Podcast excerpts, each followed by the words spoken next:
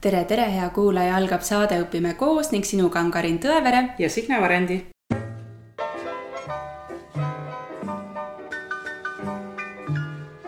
tänases saates on meil külas Kristina Pirk-Vellemaa, kes töötab Eesti Seksuaaltervise Liidus. uurime järgi, millega ta tegeleb ja kuidas on lood seksuaalõpetusega Eesti koolides. tere, Kristina. tere no mis tööd sa seal Eesti Seksuaaltervise Liidus teed hmm,? põhitööna teen ma koolitusjuhi tööd, ehk siis kõik sellised koolitusteemad on need, millega mina tegelen, koolitusvaldkond laiemalt. aga olen ka koolitaja ja seda ikka väga pikki aastaid juba, alates aastast tuhat üheksasada üheksakümmend üheksa sõna otseses mõttes. et millalgi sai seda tehtud sellise noorelt noorele põhimõttel ja, ja sealt edasi on, on, on see koolitaja põld järjest laiemaks läinud.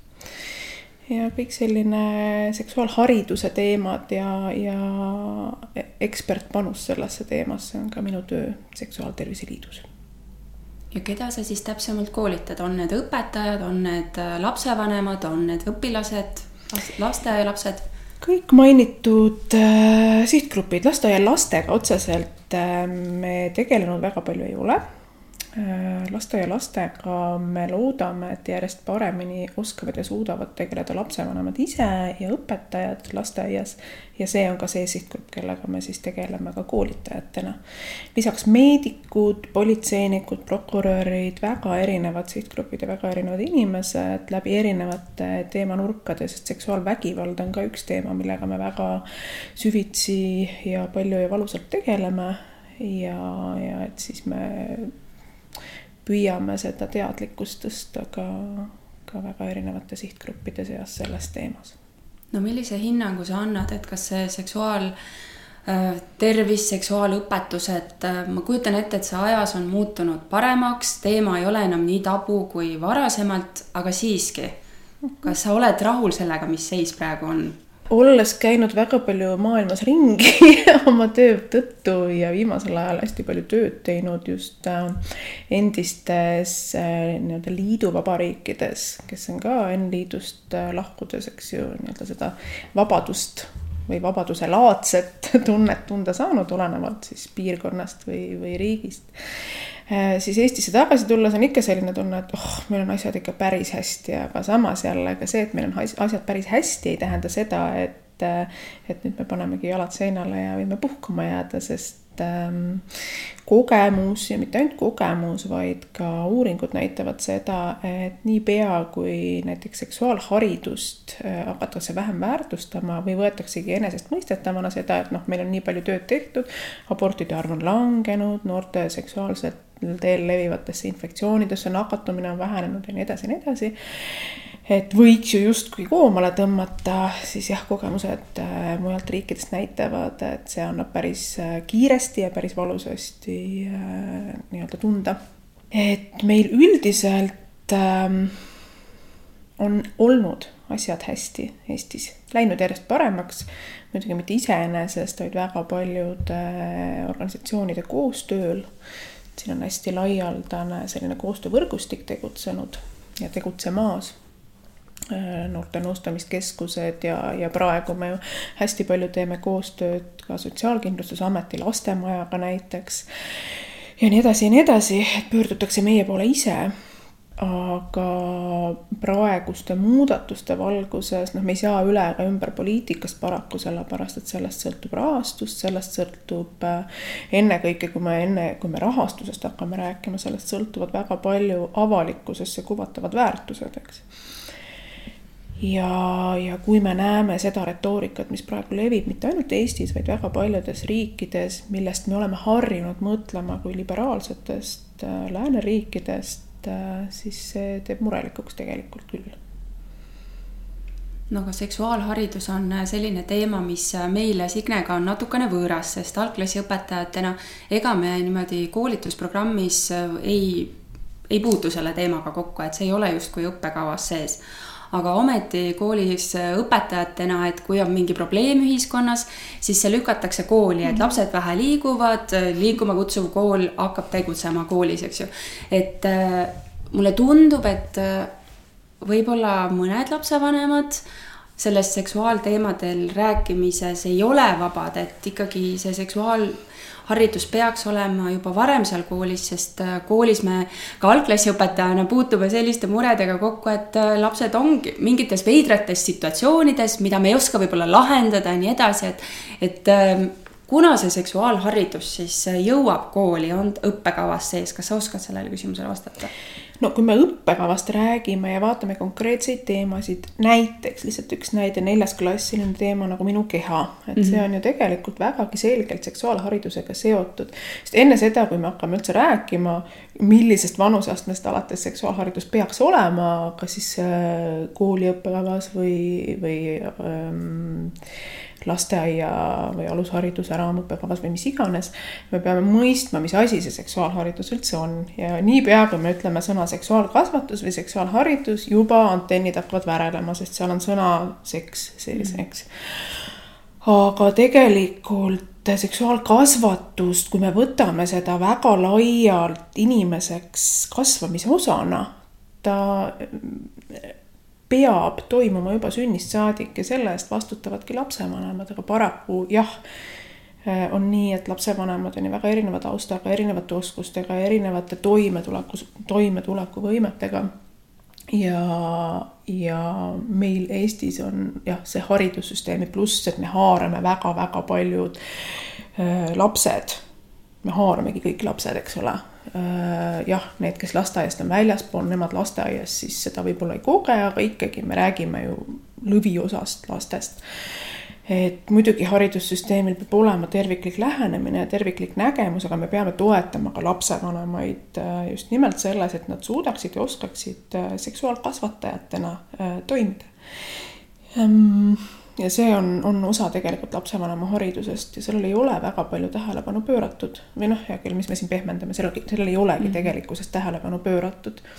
sest ähm, kui me ise suhtleme lapsevanematega, ükskõik, kas nad kirjutavad meile või tulevad niisama juurde, niipea kui sa ütled, küsitakse, eks ole, mõnes seltskonnas, kus sa töötad või millega sa tegeled noh, niipea kui sa ütled, et sa tegeled seksuaaltervisega, seksuaalharidusega, see on selline valdkond, kus meeletult palju tuleb tegelikult küsimusi, kõigepealt on hästi põnev, sest et jälle see seksuaalsus on seal sees ja tegelikult on näha, et lapsevanemad on hädas ja noh, me ei saa tegelikkuses äh, noh, süüdistada ei lapsevanemaid, ei õpetajaid, ei lasteaiaõpetajaid, kui ei ole äh, tervikuna väärtustatud tegelikult sellist asja nagu seksuaalkasvatus ja nähtud, miks see oluline on.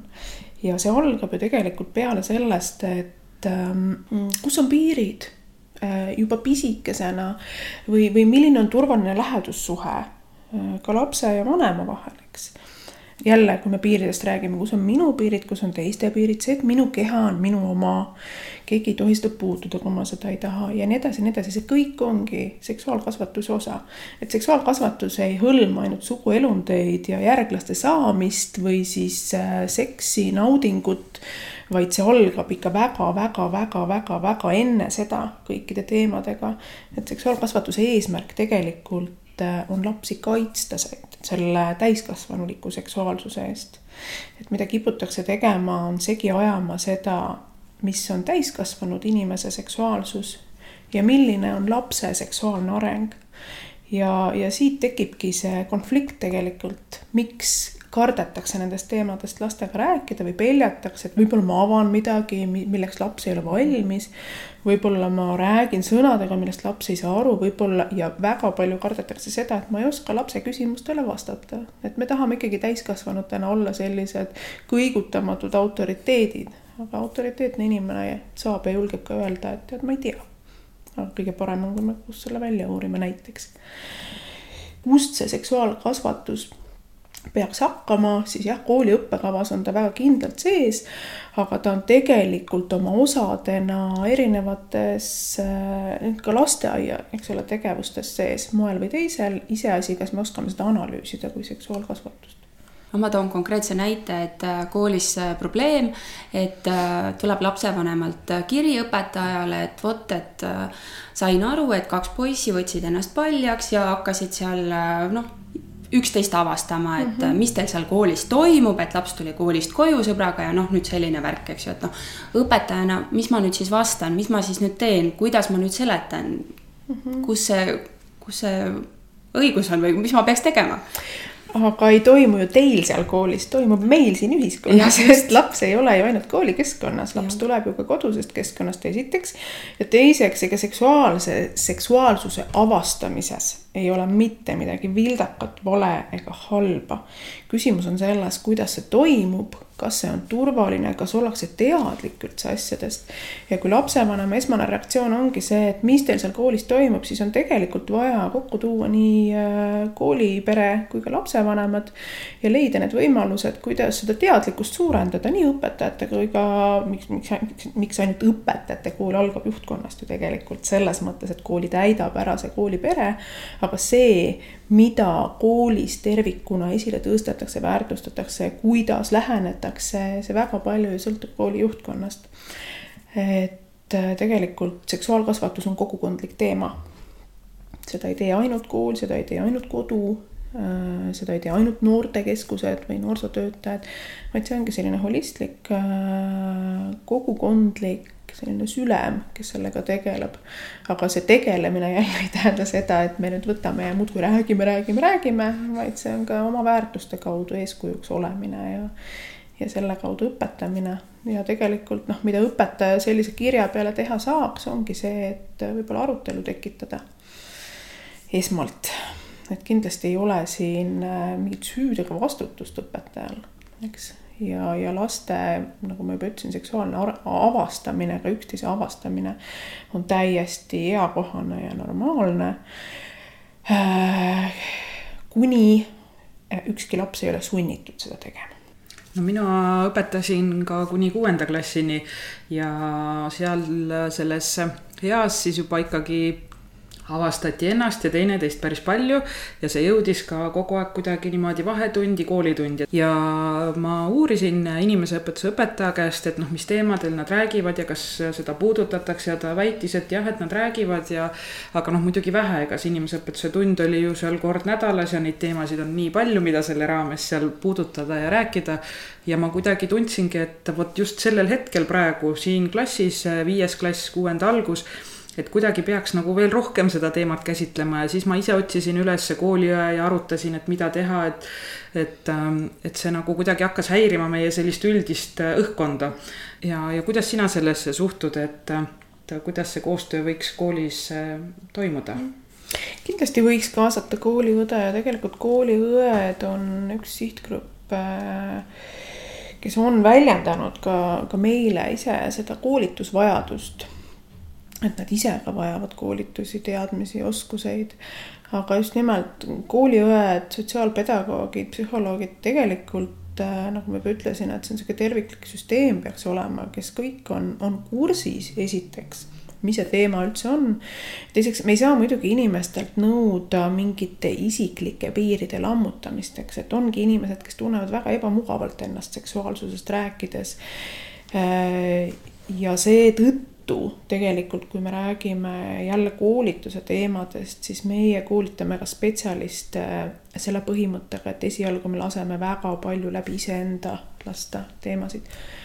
oma seksuaalsuse pinnalt mingisuguseid äh, teemasid püüda käsitleda või tunnetada või avada, noh, nii palju, kui kellelgi on mugav seda teha sest ka õpetajaid ei ole mõtet koolitada nii, et me võtame ette teoreetilise materjali ja hakkame nüüd rääkima teooriast A-st, B-st ja C-st, kui tegelikult seda iseendaga kooskõla ei ole et see ei tähenda seda, et me hakkame mingisuguseid tšakraid avama või mis iganes, et see ei ole üldse see teema. vaid just nimelt äh, kuidagi pehmelt ja sujuvalt äh, juhatadagi inimesi teemani läbi iseenda ja, ja me võime kaasata koolis keda iganes, aga kui inimesed ei ole valmis sellest rääkima, siis tegelikult noh, sealt ei pruugigi mhm. tulla mingisugust tulemust, eks ju, ja ka õpetajate puhul, et me endiselt paraku näeme seda, et et see seksuaalharidus, vaatamata sellele, et seksuaalkasvatus on olemas inimeseõpetuse raames, meie õppekavas ja on ka perekonnaõpetuse raames ja on ka noh, moel või teisel ta käib läbi väga erinevate ainete inimene ja ühiskond ja nii edasi ja nii edasi. Äh, kui me räägime seksuaalõigustest, mis on kõige selle baasiks, mida me üldse räägime, siis äh, tegelikult ta võib deklaratiivselt olla ükskõik millises õppekavas, aga just nimelt see, et me ei ole ette valmistanud õpetajaid noortega töötavaid spetsialiste, inimestega töötavaid spetsialiste seksuaalsusest üldse rääkima või noh, mis rääkima, kõigepealt mõistma, mis see selline on, et tegelikult meil lonkab ka ettevalmistus selle koha pealt, et väga palju on sellist äh, ja väga olulist didaktikat ja metoodika ja kõik see, see on kõik ääretult oluline, et seda ei saa öelda, et see ei ole oluline, aga väga palju selliseks inimeseks olemise, kasvamise toetust, vot selleks ettevalmistust äh, natukene napib jah, ma noh, selles olukorras olles tundsingi, et, et ma olen valmis rääkima nendest, ma tahan oma õpilasi aidata, toetada. aga ma kuidagi tundsingi, et ma ei ole saanud seda ettevalmistust, et kas ma nüüd teen õigesti, et noh, ise mõtled küll, et oma elukogemuse põhjal või kuidagi noh, ikka oled õpetaja juba kaua olnud, et et saan nagu hakkama, aga see ebakindlus just, et võib-olla noh, puudutan valesti, et räägin liiga otse või, või ja siis tundsingi, et äkki kooliõde on targem selles osas, et, et aitab. siit Kristina jutust ma võtsin välja selle, et sa ütlesid, et läbi, et see teema seksuaalharidus läheb, läbib erinevaid teemasid. et see võib ju olla ka nii, et äh, mingis noh, näiteks teine-kolmas kooliaste, ma ise ei õpeta, ma ei tea, aga et see teema on äh, põimitud läbi erinevate ainete ja õpetajad mm -hmm. justkui libisevad üle, sest äkki keegi teine seda juba puudutas, et noh, et nagu selles mõttes kergem. ja teisalt võib-olla ma mõtlen, et äh, kui tulebki koolitaja, tuleb sealt Seksuaaltervise Liidust keegi nii-öelda võõras inimene kooli, tal on võib-olla lihtsam rääkida ja lastel on lihtsam ka küsida, kas mhm. on, on see, on see nii? no ühest küljest küll, aga just nimelt, et see on nii ja naa, sest see võõras inimene läheb ju koolist ära ta ju veedab poolteist tundi lastega, mõnes koolis on meil õnnestunud äh, küll kohtuda niimoodi, et näiteks neljal järjestikusel nädalal, tore, aga seksuaalne areng toimub sünnist surmani, mis tähendab seda, et teil on koolid täis äh, õpilasi, kes pidevalt arenevad igas mõttes ka seksuaalselt, eks ju. ja see, kui keegi ekspert tuleb, poolteist tundi nendega veedab, äh, noh, see annab kindlasti juurde asjale midagi, aga see keskkond, milles nad on, see keskkond ise nagu tervikuna peab äh, toetama ja soodustama ja vajadusel kaitsema, ennetama ja nii edasi ja nii edasi. et äh, mida meie tegelikult, äh, millest mina unistan, on, ongi see, et me näiteks ei käiks koolides rääkimas nendel teemadel, mis on õppekavade raames väga selgelt kindlaks määratud, näiteks murdeaja muutused et kui inimeseõpetuse õpetaja ütleb, et on ebamugav rääkida murde ja muutustest, vot siis see teeb kurvaks. see teeb kohe väga-väga kurvaks, sest ähm, äh, me ise näeksime niimoodi, et me oleme pigem lisandväärtuse andjad, aga mitte selle õppekava põhiteemade nii-öelda täitjad või, või, või et me ei, me noh, ei, ei peaks tulema seda konkreetset inimeseõpetuse tundi äh, täitma, vaid just nimelt nagu selline pluss ultra olema siinjuures. loomulikult me teeme seda ja me ei ütle ära ja, ja kui on vajadust, siis me katame ju väga erinevaid teemasid. aga jah, et me endiselt näeme seda, et tegelikult inimeste valmisolek ja ettevalmistus on ka väga ebaühtlane. vaatamata sellele, et, et noh, ta on ju õppekava osa ja, ja need teemad on kõik olemas, aga, aga mida ma enne hakkasin ka ütlema, on see, et mida me näeme ka siiani aeg-ajalt, on see, et inimese õpetust tihtipeale annavad need õpetajad, kellel on vaja koormust, eks ole mm, -hmm. täis saada. ja, ja, ja sellel õpetajal ei pruugigi olla ettevalmistust. ja alati samas ei ole ka see, et, et kui tal ei ole nüüd inimese õpetuse, ma ei tea, magistrikraadi näiteks inimeseõpetuse õpetaja, eks ole. et tal ei ole selles, äh, sellel erialal magistrikraadi, see ei olegi tegelikult see nii-öelda hädavajalik asi. vaid just nimelt valmisolek, omaenda väärtused, omaenda hoiakud, avatus, see, et ma suudan asjadest rääkida, sest informatsiooni ja teemasid kui selliseid me suudame omandada ju täiskasvanud inimesed, eriti õpetajad. et sa suudad need faktid kokku koguda mujalt, aga just nimelt see vabadus ja avatus nendest teemadest rääkida, mitte lukku minna, mitte öelda, ääretult kurb on ühes suures-suures koolis, kui äh, tervelt viis, viis kaheksandike paralleeli ütleb, et jaa, meil oli küll see äh, sellel aastal see seksuaaltervise teema äh, ja siis me pidime tegemagi referaadi, õpetaja ütles, et lugege see teema kodus läbi ja tehke siis referaat. endiselt aastal, no see oli eelmine aasta, aastal kaks tuhat kaheksateist, räägime me sellistest asjadest mõnedes koolides mm. -hmm. aga jah, just nimelt see ettevalmistus ja, ja ja see, et, et ta ei oleks lihtsalt nii-öelda kohatäide, vaid et mõistetakse, et see ongi väga-väga oluline teema. äärmiselt oluline teema ja see sinna, sinna sisse suundubki nii palju teemasid.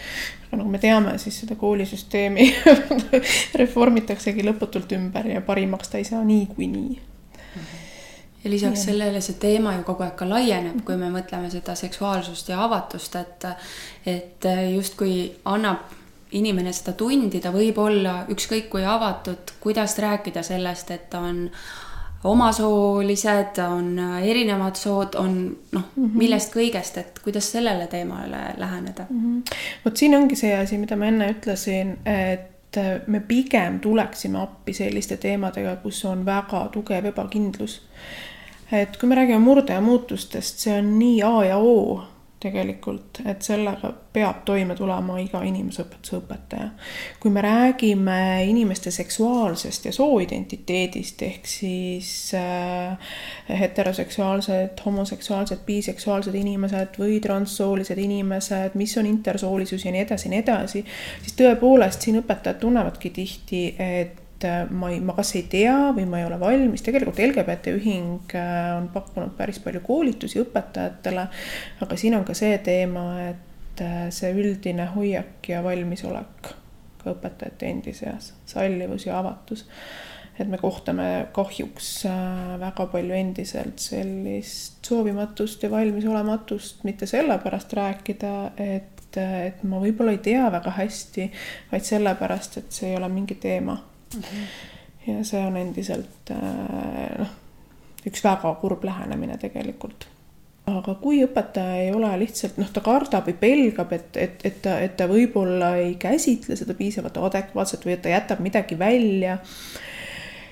Äh, siis jah, nende teemadega oleme ka alati appi tulnud ja abiks olnud mm aga lihtsalt õpetajatele nii-öelda õlale patsutuseks või rahustuseks me, meiegi, kes me oleme teinud nii pikki aastaid seda tööd, äh, avastad jälle mõne aja pärast, et ahah, jälle on midagi juurde tulnud, jälle on midagi muutunud, et see ongi pidev vool pidev vool, niikaua kui inimesi uuritakse ja uuritakse järjest enam, eks ole, selgub jälle mingi midagi, mida varem ei ole märgatud või välja toodud, noh, eks sellega peabki pidevalt olema kursis. Ja tegelikult siin ei ole oluline mitte see, millised faktid sa pidevalt lauale tood, vaid just nimelt see, et sa oled avatud ka ise neid fakte uurima, näiteks koos õpilastega et kui me hästi palju räägime infotehnoloogia kasutamisest äh, tundides, siis see on ka üks, üks valdkond, kus seda võimalust saab väga hästi ära kasutada tegelikult no ja nüüd see infotehnoloogia ongi ka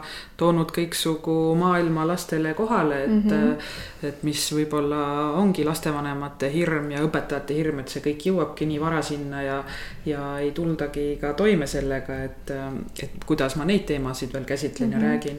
et meil oli saade ka Maarja Punakuga, kes tookord veel oli siis veebikonstaabel mm. -hmm. Et ta ikkagi rääkis päris hirmutavaid lugusid, mis, mis siis lastega meie lastega toimub internetis, et. et kas te seda poolt ka, kas te selle poolega ka tulete appi või see jääbki ikkagi veebikonstaabli lahendada siis? ikka tuleme, sest tegelikult see on seksuaalvägivalla ennetuse teema mm -hmm. ja, ja jälle noh, tegelikult on selline väga banaalne tõde, et äh, see kõige parem ennetus on turvaline, lähedane ja soe suhe lapse ja vanema vahel.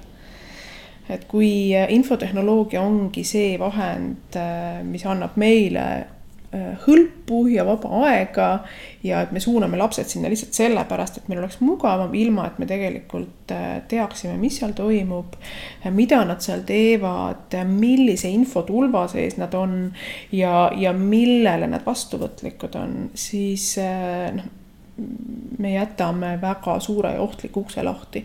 ja tõepoolest, kui me räägime seksuaalvägivallast, siis hästi palju sellest ongi kolinud internetti või siis ongi need esimesed kontaktid tihtipeale -hmm. internetis, eks, et seda nimetataksegi nii-öelda konksutamiseks või kalapüügiks või et visatakse õng sisse ja vaadatakse, et kus kes haakub ja noh, ka need lapsed, kes on emotsionaalselt haavatavamad, kellel ei ole turvalist äh, suhet täiskasvanutega või on see kuidagi kaugenenud. Need lapsed on ka rohkem ohustatud tegelikult äh, seksuaalvägivalla ohvriks sattumisest ja seksuaalvägivallast me ei räägi ju ainult kui äh, füüsilisest kontaktist või juba konkreetsest vägistamisaktist, vaid ka verbaalne vägivald, soovimatud pildid, soovimatud kontaktid, ahistamine internetis ka ja mitte ainult täiskasvanute ja alaealiste või täiskasvanute ja laste, täiskasvanute poolt siis laste suhtes, vaid ka laste omavahelised suhted. Ja, ja ka seal on väga palju hägust, äh, hägust pinda mis on lubatud, mis ei ole lubatud, äh, see, kust maalt läheb mingisugune klipike äkitselt üle pornograafiaks ja, ja kust maalt saab mingisuguse asja jagamine, äh, mingi klipi jagamine pornograafilise sisuga teose jagamiseks ja nii edasi ja nii edasi, et noh, sellest ka Maarja on hästi palju rääkinud tegelikult ja need on äh, valulikud ja olulised teemad, aga kui me tuleme jälle seksuaalkasvatuse alge juurde tagasi, siis see on see, miks on vaja mõista, et seksuaalkasvatus on lapsevanemate kasvatustöö osa. et see ei ole midagi, mida me nüüd ootame, et kool tuleb tegema. Jah, koolil on oma väga suur osa Äh, ja kui ollakse paanikas, et appi-appi, nüüd on lasteaias seksuaalkasvatus, et meil hakatakse nüüd lastele rääkima sellest, kuidas seksida, no ei ole. ja me ei saa samas oodata, et Äh, lapsed oleksid võimelised ennast kaitsma või rääkima, kui keegi on midagi teinud, kui me ise nendega ei räägi nendel teemadel. et kui me oleme andnud lastele justkui mitte küll sõna-sõnalt signaali, et seksist me ei räägi, vaid kui me oleme jätnud neile oma hoiakute, käitumise ja mitte otseselt neile suunatud jutuga, vaid lapsed ju kuulevad pealt kõike, ega nad ei ela mullis, nad ju elavad samas maailmas, kus meie elame. et kui me oleme andnud neile selge signaali, et see on teema, mida me ei puuduta, see on teema, mis on tabu, siis ega, ega nad meie juurde ei tulegi rääkima. otsivad mõne teise inimese, kellega nad saavad nendel teemadel rääkida, kui üldse.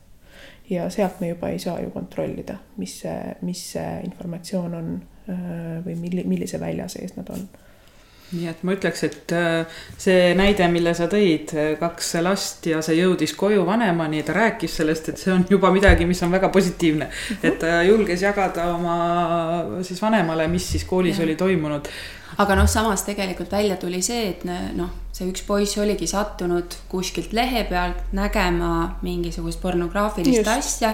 et noh, tegelikult see taust jõudis, aga noh, hea, et see vanem sai ka selle info, et, et sellesse teemasse mindi -hmm. aga, aga see ongi see, et nagu sa ütlesid, et hea ja lähedane suhe ja siiski kontroll selle üle, millega mu laps seal telefonis või arvutis tegeleb, et see seal on nii õhuke samm sinna, et astumaks sinna, mida veel on liiga vara näha või, või et see, sellega ei tule laps lihtsalt toime. aga see on nagu jah, hea, et, et sa tõid välja, et, et me peame juba lasteaias oma kehaosasid tundma, et me oskame selgitada, et igal asjal on õige nimi. just aga mis siis seal lasteaias kuidas see siis peaks välja nägema, et äh, siin kaks tuhat kaheksateist oli nii-öelda ikkagi skandaal sellel teemal, kus meedias äh, siis Rita Holm -hmm. sai ikkagi väga palju negatiivset, pehmelt öeldes negatiivset tagasisidet selle kohta et äh, mis, äh, milline on siis lasteaias see seksuaalkasvatus ja, ja kas see toimub igal pool, et äh, või on see kuidagi valikuline, et kes siis teeb, kutsub sellise inimese, et oskad sa sellest rääkida? no väga väheldane on see seksuaalkasvatuse teema käsitlemine olnud ka lasteaedades, aga nüüd kaks tuhat üheksateist jaanuaris, ma arvan, et see oli jaanuarikuu, kui Tervise Arengu Instituut andis siis välja äh, metoodilise materjali või abimaterjali lasteaiaõpetajatele seksuaalkasvatuse teemal. Äh, ja ma tean seda, et nad otsivad, äh, ma ei tea küll, kuhumaani nad on jõudnud nende rahastuse otsingutega, aga et on võimalik loodetavasti lähiajal lasteaiaõpetajatel siis selle materjali toel saada ka koolitust, just nimelt seksuaalkasvatuse teemalist koolitust.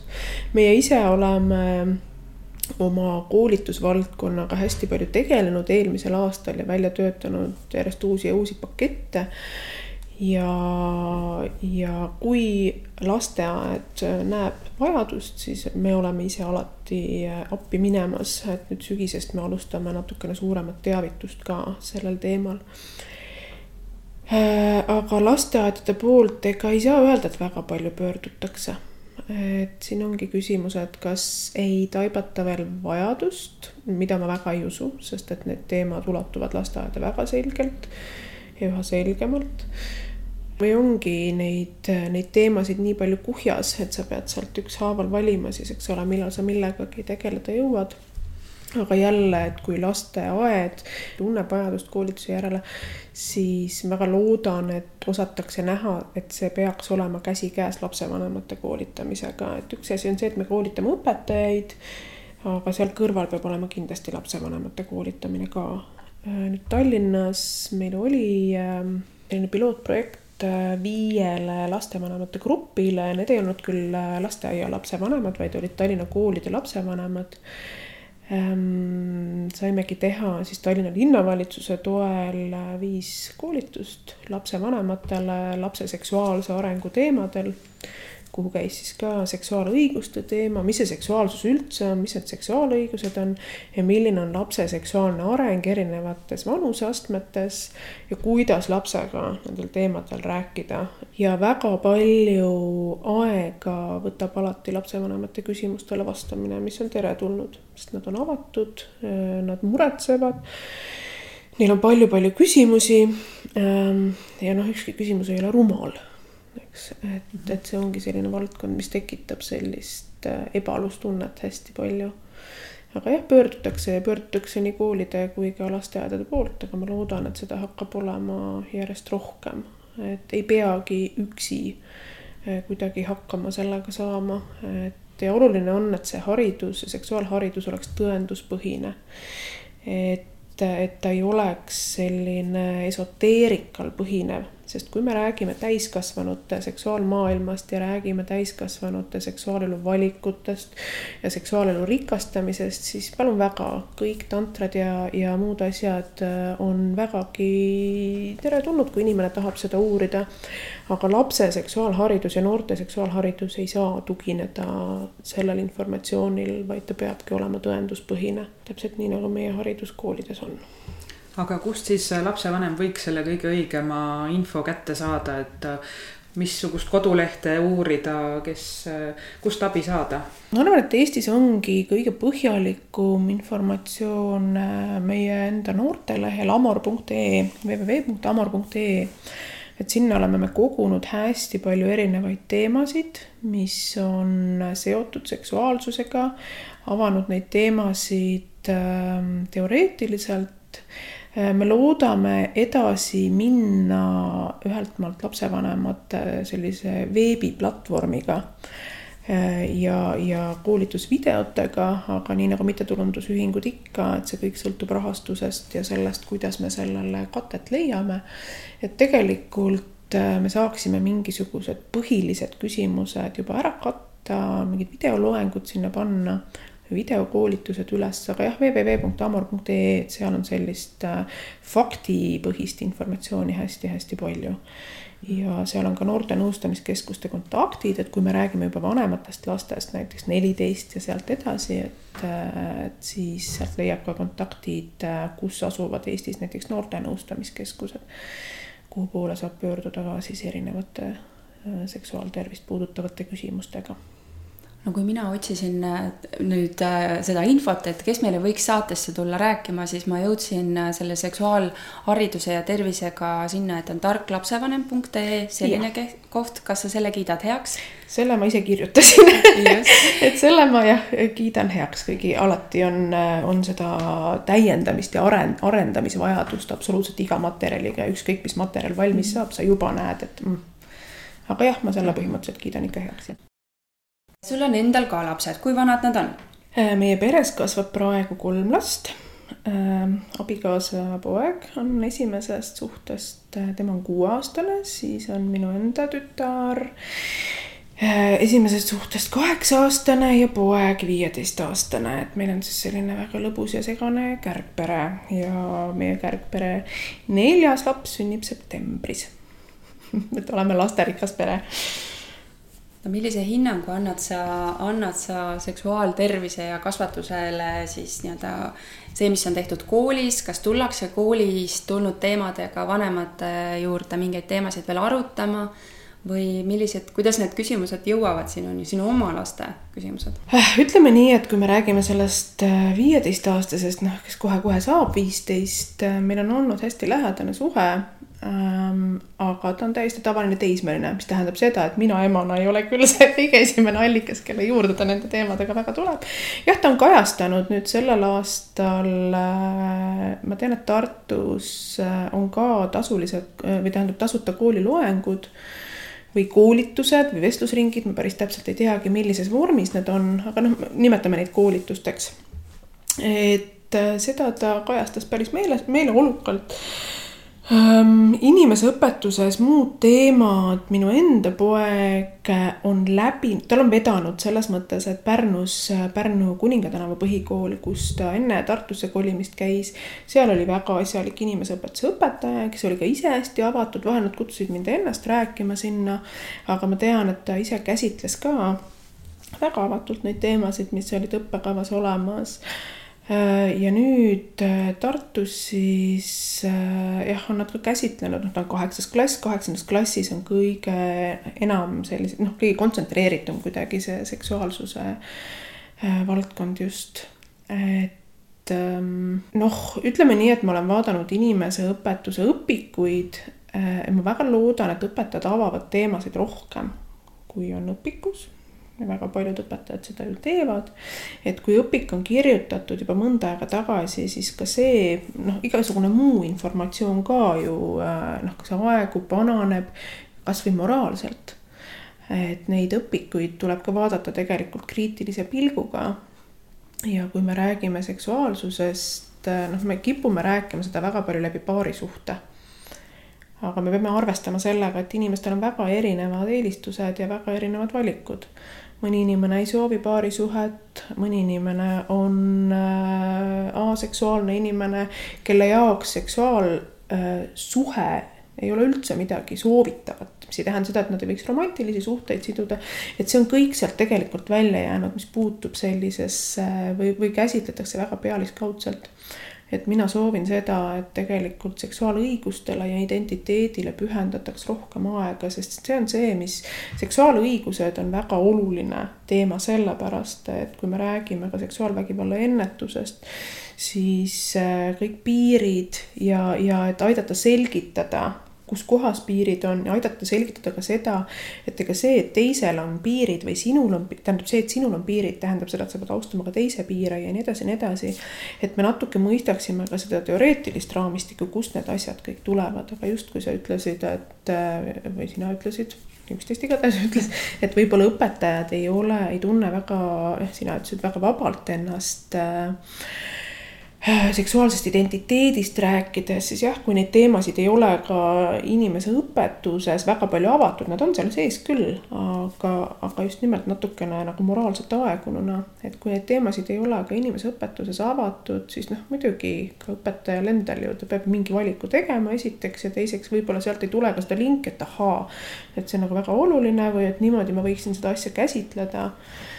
ma ütlen, et see, see oleneb väga koolist kooliti, noh, tütar on mul kaheksa äh, sõpruse teemasid on nad käsitlenud, mis on ka seksuaalse arengu üks osa.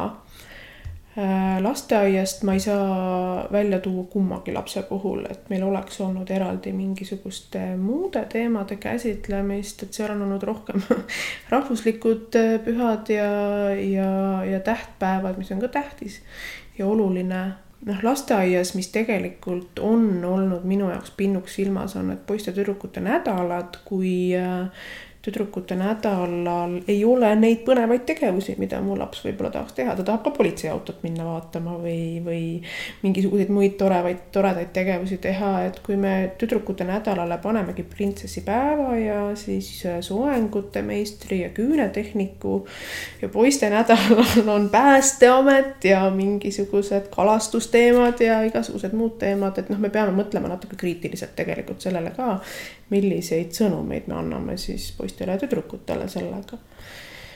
aga ka see on seksuaalkasvatus, kas me soosime seda, et poiss-tüdrukud koos mängivad nukunurgas ja autonurgas näiteks. ja ma pean ütlema, et siin on olnud küll väga positiivsed kogemused mul et ei ole lasteaias keegi suunanud kedagi kusagile mujale või, või rääkinud, et see on poiste värk ja tüdrukute värk, aga aga lasteaed on väga hea indikaator ikkagi ka sellest, mis toimub muudes peredes, et sa võid oma last kasvatada ükskõik milliste põhimõtete alusel, aga kui ta tuleb koju ja ütleb, et näed, Mari ütles mulle, et ikkagi need Lego Friendsid on ainult tüdrukute omad, et poisid ei tohi nendega mängida. noh, et siis sa jälle jõuad mingisuguste pedagoogiliste teemadeni välja sellega aga sa ütlesid, et kaheksandas klassis on võib-olla kõige rohkem seda seksuaalsuse teemat, et äh, kuidas sulle tundub, me siin nagu üldiselt justkui tundub, et lapsed küpsevad varem, noh, räägitakse niimoodi, et need teemad nagu peaks juba varasemalt tulema. et mis tegelikult äh, see teaduspõhine info ütleb, et kas see on nii, et kas me peaks juba kuuendas rääkima kontsentreeritumalt nendest. kas küpsevad nad siis varem või, või kuidagi me kujutame seda ette? mm,? ma julgeks öelda nii, et lapsed mitte ei küpse varem, vaid see inforuum küpsetab neid. et siin on -hmm. nagu vahe, eks, et ega inimene bioloogiliselt selles mõttes ei ole muutunud, aga see inforuum, milles nad elavad, see söödab niivõrd palju infot, et ka pornograafia näiteks, see on ju mõne klikiga kättesaadav ja, ja kui lapsel ei ole inimest, kellega nagu rääkida sellest, mida ma sealt tegelikult nägin. me ei, noh, siin on jälle vaja kaaluda seda, millest me räägime, kui me räägime pornograafiast või kuidas me räägime. Ehm, ja milline tegevus äh, ka seksuaalkasvatuse mõttes on kohane ja milline mitte, et meieni on jõudnud ka juhtumid, kus näiteks lapsevanem äh, isa enamasti äh, näitab ise oma pojale siis pornograafiat, et näed, niimoodi see seks käib maailmas, eks. mille kohta me ei saa öelda, et seks nii ei käi, sest seksuaalelu ja eelistused on inimestel väga erinevad, ega siis pornograafia ei ole ka midagi muud kui elu peegeldus või kajastus. aga ta kipub olema väga ühekülgne kui sa küsid, et kas nendest asjadest peaks rääkima varem mm, -hmm. siis kui me, kui meie räägime tõenduspõhisusest või sellest, millel me põhineme oma seksuaalhariduslikke programme koostades, siis me põhineme äh, WHO ehk Maailma Terviseorganisatsiooni äh, Euroopa seksuaalhariduse standarditel äh, peamiselt. ja seal on tegelikult ongi läbivad teemad et kui me võtame näiteks Minu keha, siis ta on läbiv teema erinevates vanuseastmetes, lihtsalt see, millest me räägime ja kuidas me räägime, on erinev. Ka seksuaalõigused erinevates vanuseastmetes. Äh, ta läheb läbi äh, nii-öelda kogu elukaare ju või kui me räägime siis noortest, siis selle koolikaare ja, ja hügieen ja nii edasi ja nii edasi. et tegelikult Äh, noh, on koole, kes on öelnud, et seitsmendas klassis näiteks äh, seksuaalsel teel levivatest haigustest või infektsioonidest, mitte haigustest, äh, rääkimine võib-olla ei olegi oluline või kondoomi kasutamise näitamine on ikka oluline, sest kõik need asjad peavad käima samm eespool. Mhm. Eesti noorte keskmine vanus esimese seksuaalvahekorra ajal on umbes seitseteist ta ei ole langenud, et äh, mingi aeg tagasi oli väga suur poleemika. Et Eesti lapsed seksivad juba neljateistaastaselt, et see vanus on drastiliselt kukkunud, ei ole.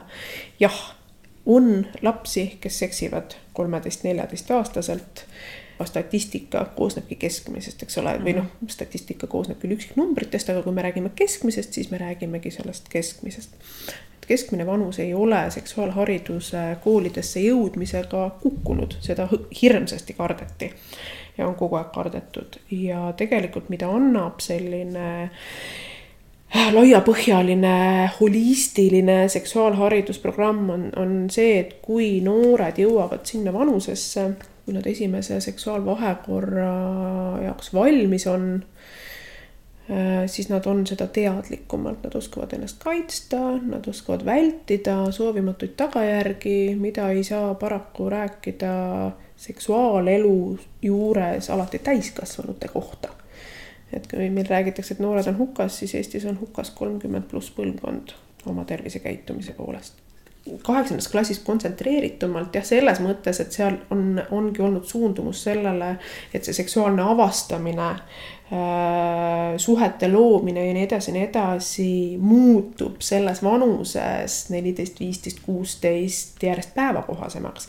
et seal räägitakse rohkem nendest teemadest mm, -hmm. aga ennetusteemad tulevad ikkagi juba varem aga nüüd siis äh, see lapsevanema teema, et äh, kui lapsel ei olegi küsimusi, et ta elabki justkui nagu ongi, on minu mulje, on tema mulje, need teemad meil ei, ei kajastu nagu selles mõttes, et kas lapsevanem peaks minema mingil hetkel leidma mingeid momente, kus ta ise küsib, mis on need õiged küsimused, et mm. -hmm et rääkida, et kas sa koolis, teil räägitakse, noh, üsna tobe oleks minna, ma ei tea, ma ise tunnen nagu seda, et ma nüüd küsiks, et et kas sulle koolis on sellel teemal räägitud juba mm -hmm. ja nüüd hakata mingit loengut pidama, et sellele, et mis need sellised õiged äh, nipid nii-öelda lapsevanemale oleks ma ise, olles kunagi pikalt töötanud noorsootöötajana, meie nipp oli see, et lauamängud olid väga hea võimalus ja vahend jõuda noorteni, ega siis noortekeskuses neid lauamänge virnades ei ole mitte niisama, et tulge ja sisustage aega, vaid ka sellepärast, et noorsootöötaja on väga palju siis selliseid konksukesi, kuidas äh, kontaktini jõuda noortega, et kõikidega ei olegi nii lihtne ju otsesõnu minna ja, ja sa võid selle ära hirmutada sellega üldse noore inimese.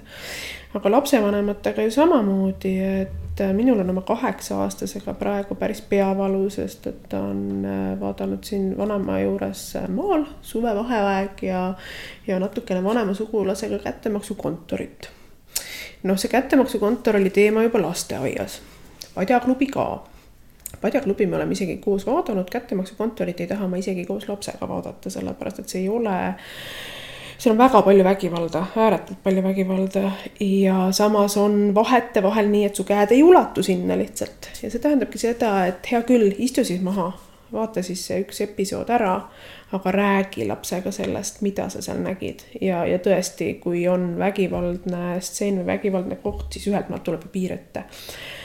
et meedia see, mida meedias nähakse, tänaval on reklaamid, äh, nende põhjal saab lapsele küsimusi esitada, jälle needsamad lauamängud, äh, animafilme on meeletult, kus tegelikult on hästi palju selliseid teemasid, äh, mida ka saab näiteks väiksema lapsega ju äh, käsitleda või küsida või kuidas taltsutada lohet on üks väga vahva film, kus äh, tegelikult on ju ühe poisi ja ühe tüdruku sõprus juba väikesest peale, eks ole, kajastatud ja nüüd äh, sellel aastal jah, sellel aastal oli kolmas osa, mis välja tuli.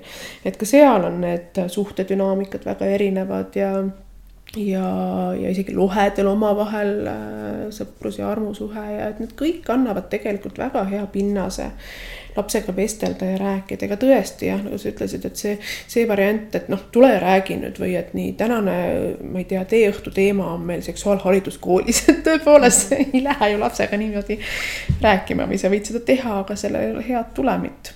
Aga kui näiteks kooli mineku eaks laps ei ole üldse neid teemasid puudutanud, ta ei ole üldse huvi tundnud selle kohta või selle vastu, kust tulevad lapsed ja nii edasi ja nii edasi, noh siis on küll päris kindlasti aeg ise küsida lapse käest, aga jälle leida neid võimalusi läbi mängude, läbi mängu. lapsed ju matkivad hästi palju täiskasvanuid ja kui sa võtad selle aja maha ja lähed lapsega mängima, näiteks tema meelismäng, on, on need legod, on need nukud, on need mingi joonistamine. ole tähelepanelik lapsevanem ja, ja püüa kinni need mingisugused signaalid või sa võid ju sealt ka küsida, eks et minu, minu jaoks oli hästi tore ja silmi avav see, kui äh, tütar oli viiene ja siis me mängisime barbidega ja siis tema pani autosse, Barbi autosse kaks barbit ja ühe väikese nuku. ja siis ta ütles, et see on perekond. ja siis ma küsisin tema käest, et, et kas sul isa ei olegi perekonnas, siis ta ütles väga lihtsalt, et aga alati ei peagi olema. vahel on kaks ema ja last ja noh, nii ongi, et, et kõikide nende mängude kaudu saab ju küsida ja, ja küsimus muidugi noh, seal peab olema väga ettevaatlik, et ta ei ole hinnanguline, ta võib olla uudishimulik küsimus, aga mitte hinnanguline, eks ju. noh, Scrabble'id ja kõik sellised asjad, aga see peab jah kõik olema eakohane. aga kindlasti on oluline huvi tunda selle vastu, millega laps tegeleb, ega me ei vii teda kooli või lasteaeda hoidu, vaid kool ja lasteaed peab olema ikkagi partner ja meie peame olema koolidele ja lasteaedadele partnerid, sest me ju tegeleme selle ühe lapse nimel, tema heaolu nimel tegelikult. no ja kuidas siis läheneda nendele teismelistele teismelistele, mis mõttes? et äh, uurida, et kuidas neil teismelistel läheb, et tegelikult ju saad ju aru, et on võib-olla mingid suhted, et et ei teeks haiget, et ei mm -hmm. ületaks seda piiri, et ei, ei oleks see, et ah, mis sa uurid mm, -hmm. vastuseid oleks sealt.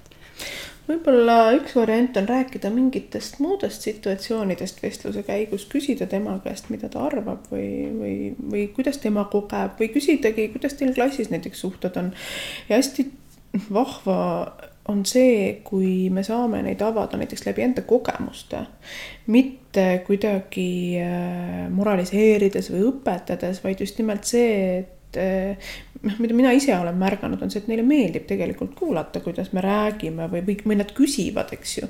et Emps, kuidas sul oli sellel või sellel ajal või siis, või siis vahel ongi nagu mu enda poeg äh, ühelt maalt ta ütlebki, et noh, ma ei soovi rääkida mingitest suhetest. väga suur viga, mida tehakse teismelistega, ka väiksematega, aga, aga noh, eriti sellised äh, mm, tundlikus vanuses teismelised suure laua ümber siis küsida, et noh, kas sul pruuti ka on või kas sul peigmeest ka on mis see sinu asi on et see on teismelise jaoks esiteks, kui ka on tal mingisugused tundevärelused, see on tema jaoks niivõrd isiklik ja intiimne asi, nagu ka kõigi täiskasvanute jaoks. me ju ei küsi täiskasvanud, vähemalt viisakas inimene, äh, empaatiline ja hooliv inimene ei lähe rühmama teisele täiskasvanule, et noh, kas sul siis pruuti või peigmeest ka on.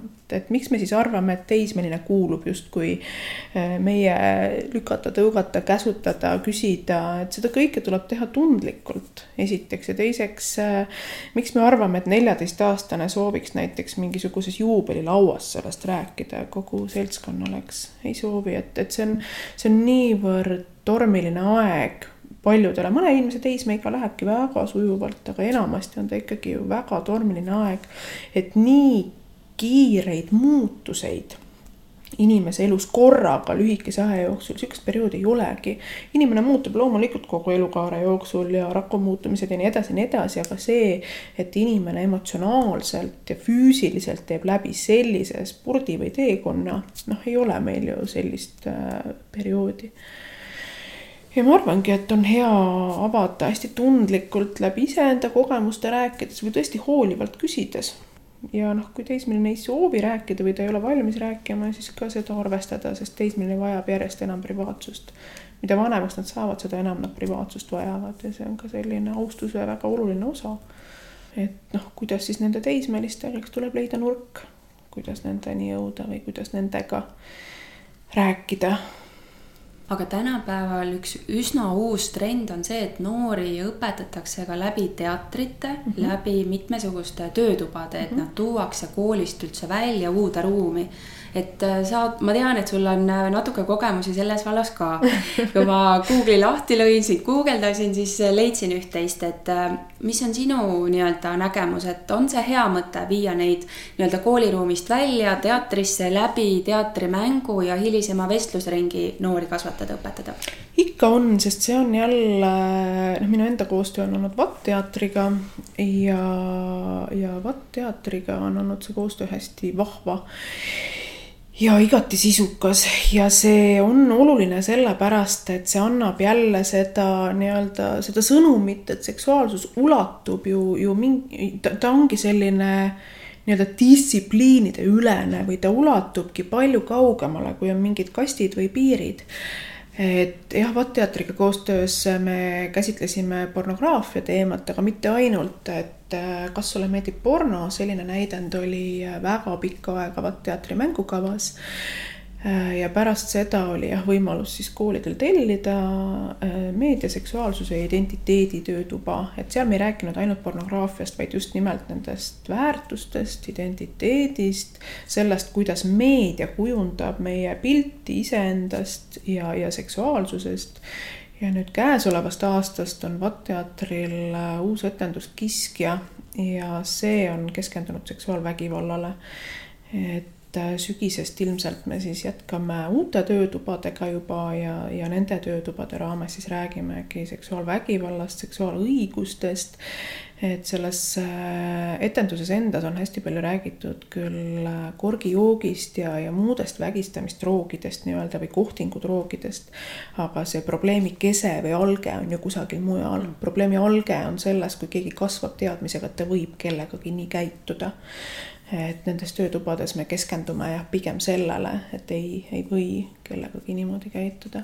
ja ma arvan, et teater on üldse üks äh, teater, kunst, muusika, nad on äh, elu väga olulised osad ja väga mõnusalt toetavad maailmad, kuidas neid teemasid käsitleda, sest nii nagu ka sa enne rääkisid õppekavadest, eks, ja sellest, kui palju näiteks inimeseõpetuse tundi võib olla või kui vähe seda kooli õppekavas on, siis noh, tegelikult äh, kui me võtame, et näiteks kirjandusõpetaja, eesti keele õpetaja, muusikaõpetaja, ajalooõpetaja, ühiskonnaõpetus, kõik need ained annavad suurepärase võimaluse neid teemasid käsitleda.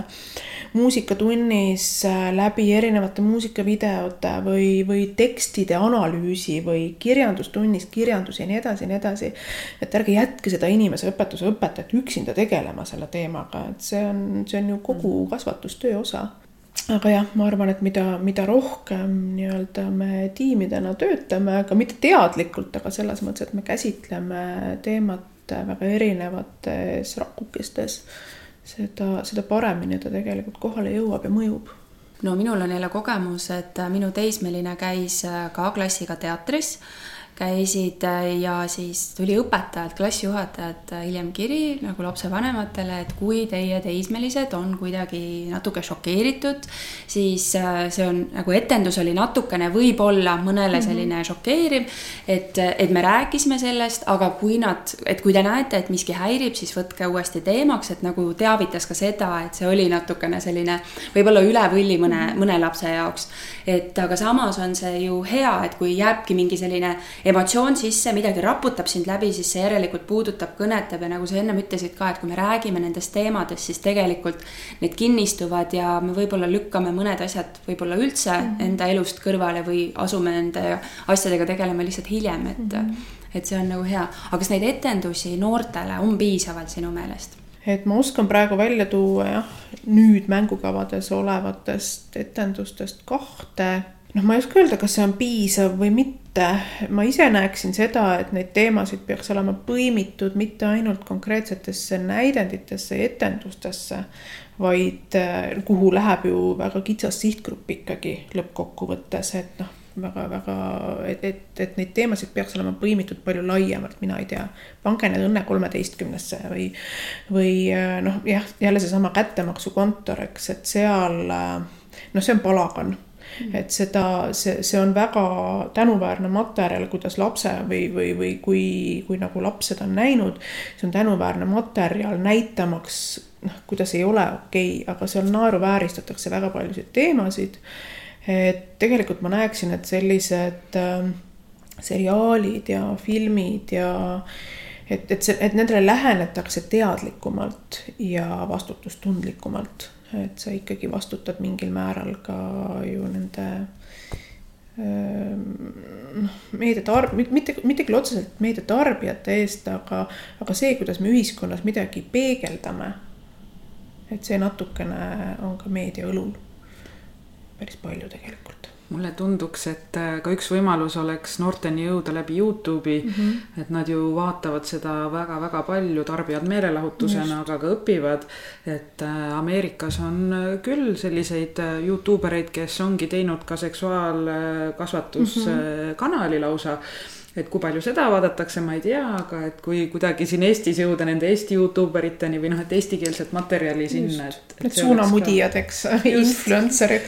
et see on jah, väga oluline suund mm, -hmm. kuhu, kuhu tegelikult peaks suunduma mm. -hmm et meil on olnud küll seksuaalvägivalla teemal koostööd erinevate suunamudijatega, aga jah, just, et seksuaalkasvatus laiemalt on olnud küll blogides mingisuguseid teemasid, aga seal on jällegi see, et et hoia peast kinni, sest et kui ikkagi öeldakse, et hormonaalsed rasestumisvastased vahendid on kahjulikud kõikidel nii-öelda meditsiinilistel preparaatidel on võimalikud kõrvalmõjud loomulikult. aga öelda siis oma väga noortele jälgijatele, et kasutage viljakusmonitori, et see ongi see üks ja ainuõige asi. no ei ole vastutustundlik, väga vastutustundetu on või öelda, et kasutage libestite asemel äh, kookosõli et see on palju parem kui see vee baasil tehtud libesti, et see ei riku tuppe mikro, mikrofloorat kena on, aga kuhu sa jätad selle informatsiooni, et kookosõli lõhub ära kondoomi. et, et noh, ei, ei saa anda seksuaalharidust, eks ole, niimoodi, et ma annan ühe killukese ja jätan välja sealt väga suure informatsiooni osa tegelikult, äh, mis, mis annab eksitavat, äh, eksit-, nii-öelda eksitab seda, seda, seda tarbijat või lugejat. aga jah, et need, need mõjuisikud ja influencer'id nagu, nagu peenelt öeldakse või suunamudijad, nagu nüüd eesti keelde on püütud seda, seda väljendit tuua, on kindlasti jah, ka, ka noorte kui sihtgrupi jaoks väga oluline äh, allikas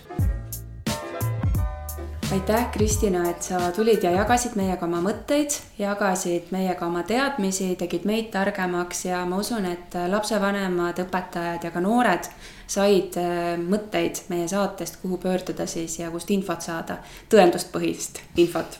aitäh sulle, Kristina. aitäh kutsumast. järgmise korrani. Kuulmiseni kui sinagi said koos meiega täna uusi mõtteid ja inspiratsiooni, siis anna taskuhäälingule hoogu juurde, likei, jaga ja kommenteeri meie postitusi sotsiaalmeediakanalites. kui soovid taskuhäälingut Õpime koos toetada, siis täname sind annetuse eest MTÜ Tartu Loomemaja arveldusarve kontole. kõik vajalikud lingid leiab saate kirjeldusest